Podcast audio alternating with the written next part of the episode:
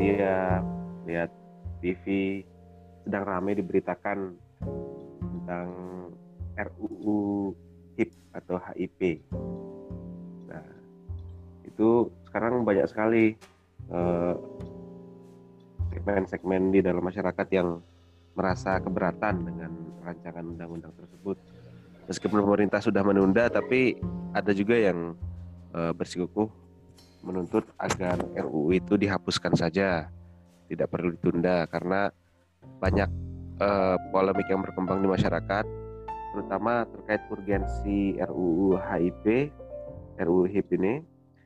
Kemudian selain urgensinya, lalu polemik-polemik yang diangkat ke permukaan oleh sebagian uh, representasi golongan tertentu di dalam masyarakat di Indonesia yang mensinyalir bahwa RUU ini bermasalah dalam uh, bermasalah dalam konteks substansinya, urgensinya, dan historisitasnya, terutama jika dikaitkan dengan uh, ketatanegaraan uh, di Indonesia.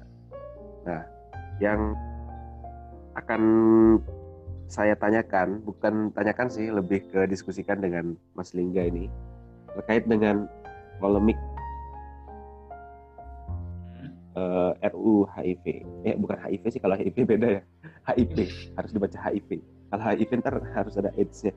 HIV. Jadi RU ini mungkin kita tidak perlu membahas tentang aspek hukumnya ya, aspek legalitasnya, karena mungkin sudah jelas di bagian awal draft RUU-nya bagi teman-teman yang sudah baca di sana dijelaskan bahwa salah satu urgensinya eh, bagi para perancang RUU ini adalah bahwasanya eh, ideologi Pancasila penerapan ideologi Pancasila ini belum memiliki basis hukum yang jelas tentang terutama tentang haluan ideologi Pancasila. Kita tidak akan terlalu banyak menyinggung aspek hukum, namun yang menjadi fokus kita pada podcast ini yakni tentang polemik itu, Mas. Jadi okay. sebenarnya apa sih yang menjadi uh, titik tolak uh, dalam RUU ini sehingga melahirkan sebuah polemik?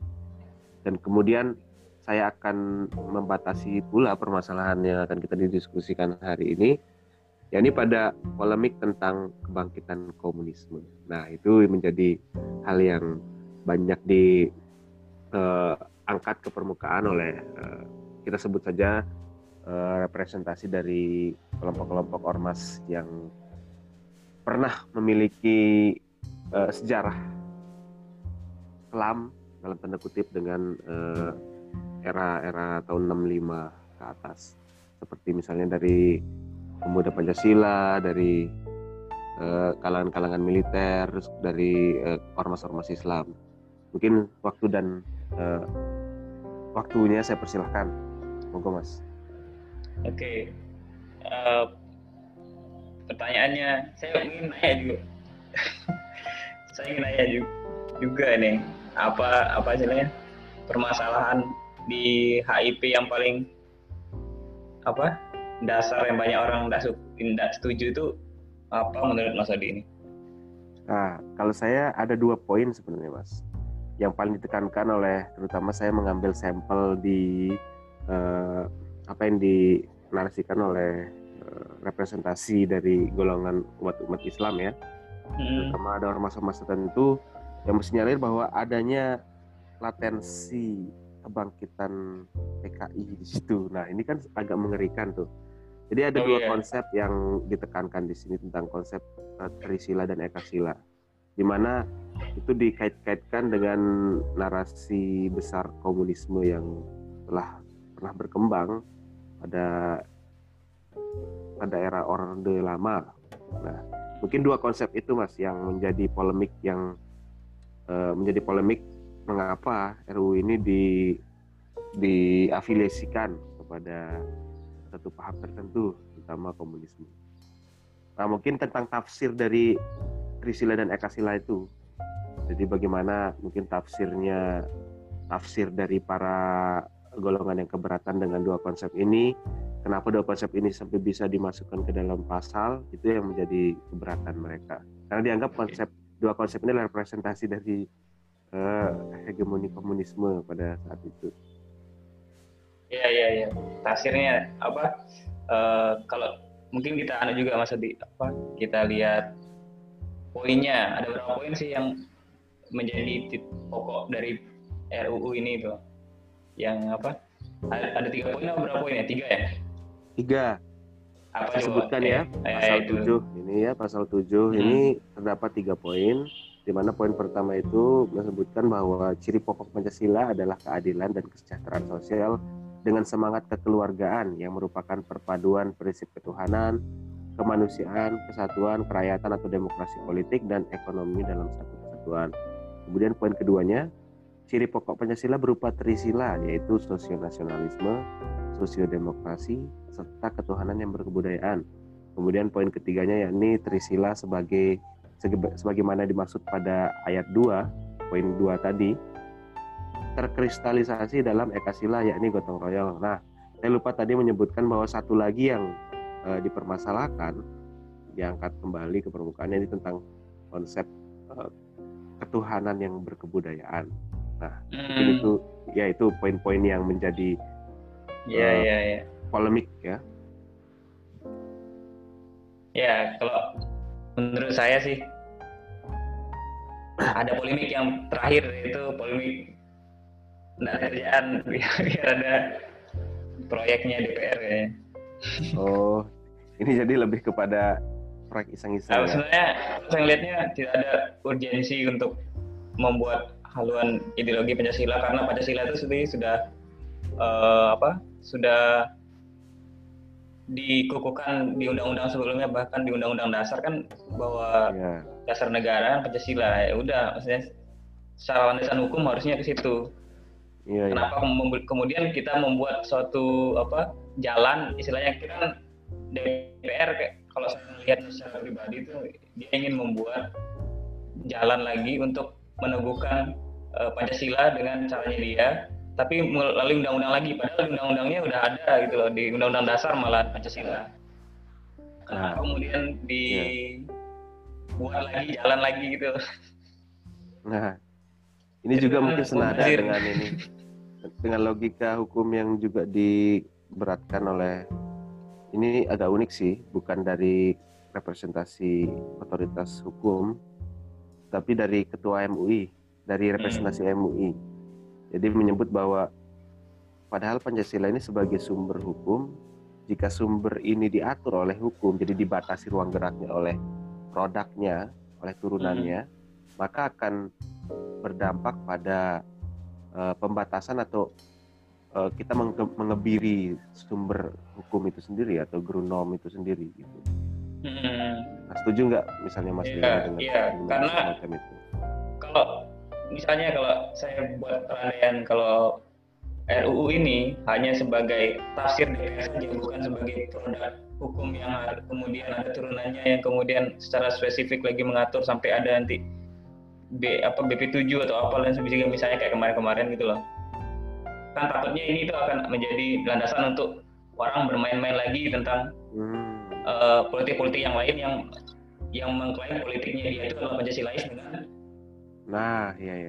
Nah, kalau uh, itu yang saya apa uh, takutin di situ bahwa uh, apa RUU ini itu hanya seba, seba, sebagai tafsir untuk melakukan tafsir kemudian undang apa melahirkan undang-undang yang lainnya lagi atau ini hanya sebatas tafsir yang semua orang tuh boleh mendebat kemudian setuju atau tidak setuju dengan tafsir ini gitu loh. Dia cuma tafsir biasa yang lepas saja oke okay, nggak masalah menurut saya gitu loh. Misalnya DPR melakukan kajian bahwa tafsir DPR tentang Pancasila itu seperti ini. Udah itu tidak ada konsekuensi hukum yang harus apa orang-orang produk-produk hukum selanjutnya itu harus berpatokan pada RUU ini gitu loh. Ya, kalau ya. maksudnya dia ya hanya sebatas opini dah bilang opini DPR itu nggak masalah menurut saya gitu loh tapi kalau dibakukan ke dalam suatu undang-undang mungkin di situlah letaknya ya mas nah itu ya karena kalau uh, bentuknya masih opini ya semua orang bisa beropini tentang Pancasila tafsir-tafsir tentang Ekasila itu sah-sah saja itu apa yeah. Ya. uh, bahkan uh, menurut saya ya bagus lah walaupun itu kembali ke Soekarno lagi sebelum sebelumnya padahal kita lihat Soekarno juga udah pernah menyebut uh, Pancasila kemudian apabila itu bisa diperas lagi jadi tiga Trisila bisa yeah, diperas yeah. lagi jadi Ekasila kata Soekarno pada sidang PKI itu kemudian tuh dengan kesepakatan musyawarah sama mufakatnya yang dipilih kan Pancasila lagi-lagi itu tafsir yeah, yeah. jadi isi yang Pancasila yang kemudian orang setuju terhadap hmm. Pancasila nah kemudian kalau ketika kembali DPR menafsir Pancasila dengan bisa dibahas bisa dibahas lagi yaitu tafsir yang sudah lama yaitu tafsirnya Soekarno gitu loh dan itu belum tentu bisa disepakati oleh musyawarah harusnya gitu loh tapi iya, iya. nggak yeah, yeah. tahu DPR kenapa di DPR yeah. saya nggak tahu apakah semuanya sepakat dengan sebagainya tentang Pancasila tapi kalau saya lihat ada di naskah akademinya ada beberapa apa yang catatan rapatnya yang tanggal 11 Februari 2020 itu ada di sini ada Prof Jimli Asdiki. Oh Jimli ya Prof. Ya, dia pandangannya itu bahwa hal ideologi Pancasila itu sangat mendesak. Salah satunya adalah sebagai upaya untuk meningkatkan status landasan hukum kelembagaan BIP yang semula perpres dasar satu lembaga yang ada dalam ruang lingkup negara sebenarnya. Ya, ya. Jadi HIP itu hanya sebatas landasan untuk ada lembaga nanti setelahnya yang akan me, apa, me, membina Pancasila itu sendiri yaitu BPIP yeah. biar BPIP itu enggak, enggak melayang lagi enggak, enggak punya landasan itu hanya sebatas perpres saja gitu loh yeah. nah itu itu mungkin maksud dari uh, kalau kalau itu maksud dari uh, eh, RUU ini mungkin iya tapi uh, hanya sebatas tidak, tidak bisa dalam bentuk turunan undang-undang yang lain itu karena tafsirnya pasti akan banyak lagi. Oh, iya. Kalau saya melihatnya itu sih urgensinya kalau dari catatan saya lihat dari ketanagaraannya ya urgensinya seperti itu. Iya, iya ada Prof Dimli uh, apa ini diundang beberapa anak sih 37 orang. Ada Prof Dimli sama Prof FX Aji sama itu namanya. Nah, Prof Dimli memberi itu urgensinya yaitu ada landasan hukum untuk kelembagaan BPIP. Itu sih kalau saya lihat tapi kalau masalah PKI dan sebagainya itu out of the box. Oh ya. Nah, kemudian gini Mas. ya. Kalau soal penafsiran Soekarno mungkin bisa dikasih eh, penjelasan kepada pendengar mungkin bagaimana sebenarnya sih bagaimana sih kok Soekarno sampai pada kok dua konsep ini tentang konsep Trisila terutama kan di Trisila itu ada sosionasionalisme, sosiodemokrasi, serta ketuhanan dan berkebudayaan. Kemudian di pers yeah. lagi, nah itu mungkin bisa dikasih gambaran sederhana singkatnya, mas.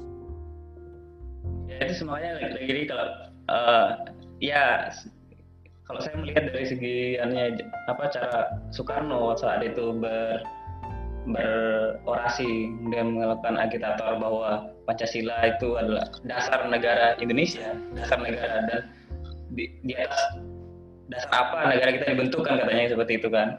Maksudnya pertanyaannya itu. Nah, Soekarno melihat bahwa kita dengan cara uh, bertuanan yang berkebudayaan, kemudian sosial demokrasi, sosial apa tadi? sosial nasionalisme dan sosial nasionalisme ya persatuan itu nah itu yang menjadi dasar kita untuk bernegara dan kalaupun itu biar lebih simpelnya sekarang kan sering menyimpel-nyimpelkan itu kan Iya, iya. Jadi dia ya ada sedikit ya itu misalnya jadi Pancasila, ada li, ada ada rukun Islam ada lima katanya di situ dibaca baca katanya. Kemudian ada Pandawa lima dan sebagainya kan itu gimana cara kita ucapkan itu? Dia, dia kan itu menurut saya tuh karena pengalaman Soekarno membaca-baca menghubungkan itu hal panca-panca itu dengan lima-lima yang lainnya mungkin kalau ada hmm. serat ada lima puluh ada lima puluh konsep panca yang ditahu sama Soekarno mungkin lima puluhnya bakal disebut di situ. Iya iya benar ya itu itu kan uh, apa cara Soekarno untuk bisa menyederhanakan bahwa biar rakyat pun juga mengerti misalnya pada saat itu tentang bagaimana sih nasional apa ketuhanan kerakyat apa kemanusiaan persatuan kerakyatan sama keadilan itu ya dengan cara gotong royong misalnya untuk eka silanya seperti itu kemudian kalau trisila itu bisa diperas lagi di trisila itu hanya menurut saya eh, sebagai penyederhanaan Soekarno kepada masyarakat supaya lebih cepat untuk menerima atau memahami isi Pancasila itu sendiri gitu. Nah, terlepas dari bagaimana yang terjadi pada tahun 65 dan bagaimana dampak dari hantu-hantu komunis ini sampai sekarang, memang perlu juga kita diskusikan ya kepada eh, hmm. masyarakat luas tentang bagaimana sih kok bisa dua narasi besar, bisa dibilang mungkin tiga narasi besar antara narasi komunisme dan turunannya ini, kemudian dengan narasi-narasi eh, Islamisme misalnya. Hmm. Kemudian ada narasi tentang bagaimana Pancasila ini sendiri. Kemudian itu seolah-olah dibenturkan sekarang ini. Jadi yang menjadi kekhawatiran tadi kan sudah uh, Mas Putu jelaskan di awal tentang bagaimana nanti kekhawatiran uh, kita bersama bahwa RUU ini bisa bisa dijadikan sebagai alat untuk memukul orang yang tafsirannya berbeda misalnya tentang Pancasila dan lain sebagainya. Nah juga bisa yang dikhawatirkan juga eh, RU ini juga bisa mengebiri umat Islam itu yang dikhawatirkan. Hmm. Jadi karena mereka fokus pada bagaimana uh, perkembangan komunisme ya, di mana sebenarnya itu uh, bukan bukan final atau bukan representasi keseluruhan dari pemikiran Marx, di hmm. mana melihat agama sebagai candu lalu meng mengafiliasikan agama tokoh-tokoh agama dengan kaum burjois yang cenderung menindas dan sebagainya nah itu yang yang diangkat kembali oleh eh, golongan-golongan atau kelompok-kelompok Islam yang berkeberatan dengan RUU ini. Nah mungkin di situ juga perlu kita diskusikan lebih lanjut terkait dengan bagaimana kok bisa narasi komunisme narasi Islam dan narasi Pancasila ini itu dikait-kaitkan lagi pada saat ini. Mungkin apakah itu uh, sebagai bentuk dari penafsiran kelompok tertentu yang keberatan itu atas Trisila dan Ekasila ini ataukah hal lainnya itu yang menjadi pertanyaan berikutnya. Oh, iya iya iya. Jadi uh, kenapa kemudian Islam kemudian Pancasila dan uh, apa namanya komunisme kemudian dikaitin sama RU ini. Saya kira kalau kita melihatnya lebih jernih dari kalau saya opini saya kalau melihat ini kalau kita anggap ini adalah bertentangan dengan Islam menurut saya juga tidak tidak ada tidak ada pertentangan sama sekali. Kalau menurut saya saya kemudian uh, masalah komunisme di apa ladang misalnya ditakutin ladang bagi komunisme untuk bangkit lagi atau gimana nah. gitu kan menurut saya juga tidak juga karena uh, tidak ada apa kata-kata khusus juga untuk misalnya kata-kata mungkin ya sosiodemo, di sosiodemokrasi pun itu kerakyatan ya sebenarnya kalau dalam bahasa kata jadi tidak ada tidak ada apa nggak ada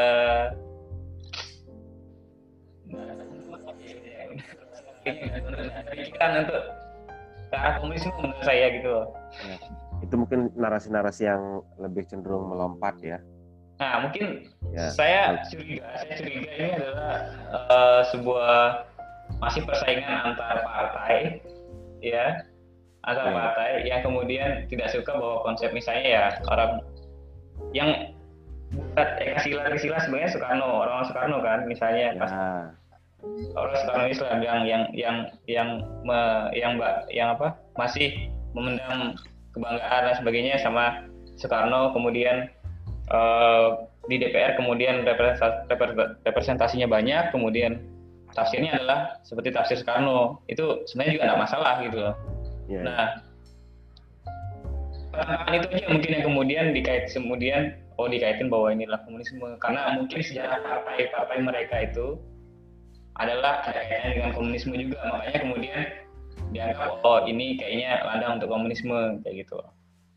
Oh iya. Kita, saya, saya nggak tahu bahwa gimana sih sejarah maksudnya kelamnya mereka sama komunisme, komunisme walaupun saya saya walaupun saya pernah baca bagaimana komunisme di sini juga merusak hubungan antara Soekarno sama Hatta di dalam bukunya uh, istrinya Hatta juga menjelaskan ke bahwa orang ketiga yang menjadi apa letaknya dua di tunggal itu ya Haidit itu sendiri sebenarnya. Nah tapi terlepas dari itu itu adalah sejarah kelam dari uh, di tunggal itu yang kemudian komunisme adalah suatu partai yang kemudian bisa masuk ke uh, apa ke istana lewat Soekarno dan TNI itu, itu, itu aja sih.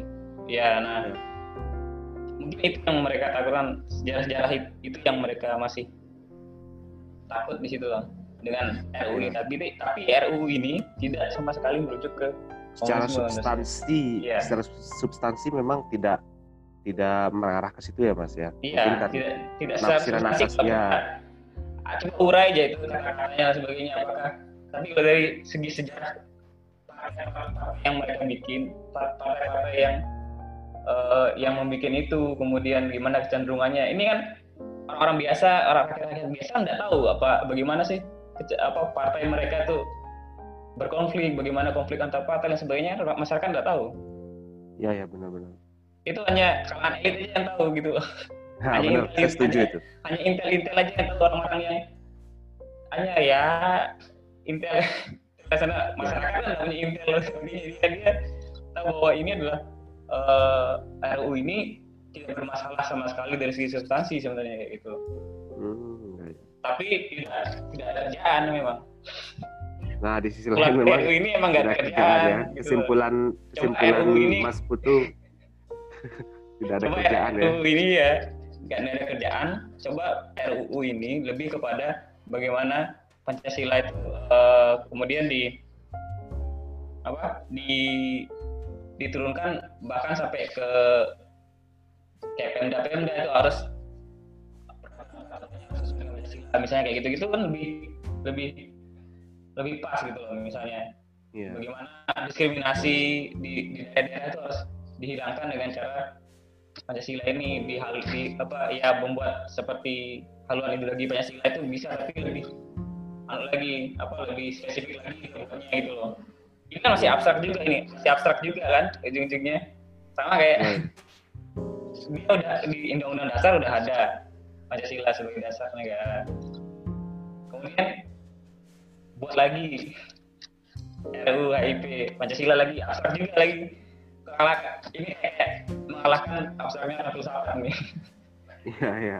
Lebih abstrak lagi lah udah di, dikasih kan lima sila kan itu udah agak konkret kemudian dikasih tiga sila lagi misalnya kayak itu ketan royang kan lagi tambah abstrak tuh lagi ya ya mungkin sebagai closing uh, statement yang terakhir mas uh, terkait dengan uh, saya ingin tahu pendapat pribadinya Mas Putu. Hmm. Sebenarnya uh, pengimplementasian Pancasila dalam kehidupan berbangsa dan bernegara ini uh, penjiwaan termasuk penjiwaannya itu apakah memerlukan suatu uh, pengarahan atau keterarahan dari suatu sumber hukum tertentu sehingga masyarakat ini harus uh, haluan itu harus jelas loh gini seperti jika keluar dari haluan yang sudah ditentukan dari hukum ini maka bukan Pancasilais itu kan sudah masuk ke dalam tafsir. Nah menurut Mas Putu yeah. apakah Pancasila ini tanpa atau dengan undang-undang itu apa sih bedanya dengan Pancasila tanpa adanya sokongan RUU apa undang-undang HIP ini atau dengan tanpa undang-undang ini sebenarnya apakah Pancasila apa sih bedanya gitu? Ya, yeah. uh, menurut saya tanpa haluan ideologi Pancasila masyarakat itu sendiri sudah Pancasilais. Karena Pancasila itu digali dari bumi Indonesia sendiri. Oh iya. Ya kan? Karena ya, itu adalah kan Pancasila itu gambaran masyarakat Indonesia kan? Iya iya. Iya kan? Sip. Sarana masyarakat Pancasila yaitu masyarakat itu sendiri sebenarnya yang sudah Pancasilais. Nah, kemudian kenapa?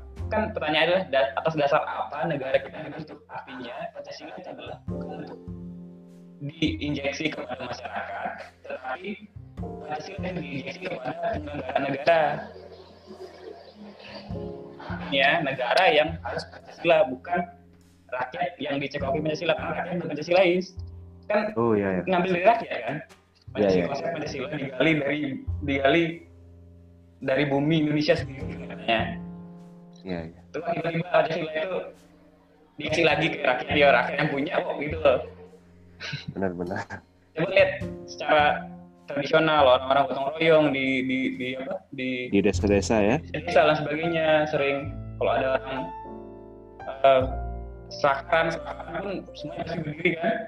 Iya iya itu sebenarnya sudah digali dari sononya ya kalau Ya, jadi kenapa kemudian seolah masyarakat harus mem, apa, memiliki aturan yang Pancasila gitu loh. Seolah di, di Pancasila ini biar masyarakat eh, hidup dengan Pancasila mereka sendiri-sendiri gitu loh. Pemahaman sila mereka itu punya sendiri-sendiri gitu loh. Nah, yang kemudian yang dimaksud menurut saya ketika BPUPK itulah negara ini akan di berjalan itu kan setelah itu kan eh, setelah kita menggali nilai dari masyarakat kemudian kita membuat komunitas untuk mengkristalisasi nilai itu kan untuk kita bisa menjalankan nilai itu nilai-nilai lima itu bisa kita jalankan kalau kita berorganisasi namanya adalah negara negara kita itu terbentuk atas lima nilai tadi itu makanya kemudian negara ini harus menjalannya menjalankan roda pemerintahannya dengan lima nilai itu harusnya yang Pancasila itu negara yang apa yang istilahnya yang yang dicekoki Yang dituntut. itu harusnya yang dituntut dicekoki. untuk Pancasilais ya Iya yang dituntut untuk lebih Pancasilais adalah negara, bukan rakyat kemudian disosialisasi Pancasila. Pak. Rakyat udah tahu bahwa nggak saling mengasihi apa berdoa itu udah ya itu sudah udah diterapkan di turun dari budaya mereka gitu loh. ya yang menjadi permasalahannya ketika terkait dengan regulasi kehidupan beragama Ah. regulasi kehidupan bermasyarakat itu kan apakah sudah Pancasilais ataukah tidak nah itu yang menjadi permasalahannya kan Hmm. Nah, maka dari itu negara dituntut untuk lebih Pancasilais sebenarnya Iya negara, negara apa eh, kebijakan-kebijakan negara ke negara apa eh, apa sih senjatanya adalah kebijakan bagaimana kebijakan-kebijakan negara itu yang Pancasilais misalnya seperti memberikan ruang misalnya untuk eh, sila keempat misalnya kan demokrasi gimana memberikan ruang yang eh, bebas bertanggung jawab terhadap otonomi-otonomi yang lain misalnya entah itu daerah, individu dan sebagainya untuk berserikat, untuk berkumpul dan sebagainya. Jadi ya, ya. ap- apa peraturan-peraturan atau kebijakan-kebijakan pemerintah lah yang harusnya dituntut lebih pancasilais dan eh, masyarakat itu sendiri yang harus dicekoki pancasila terus gitu loh. oh ya baik mas. Eh, mungkin karena sudah eh,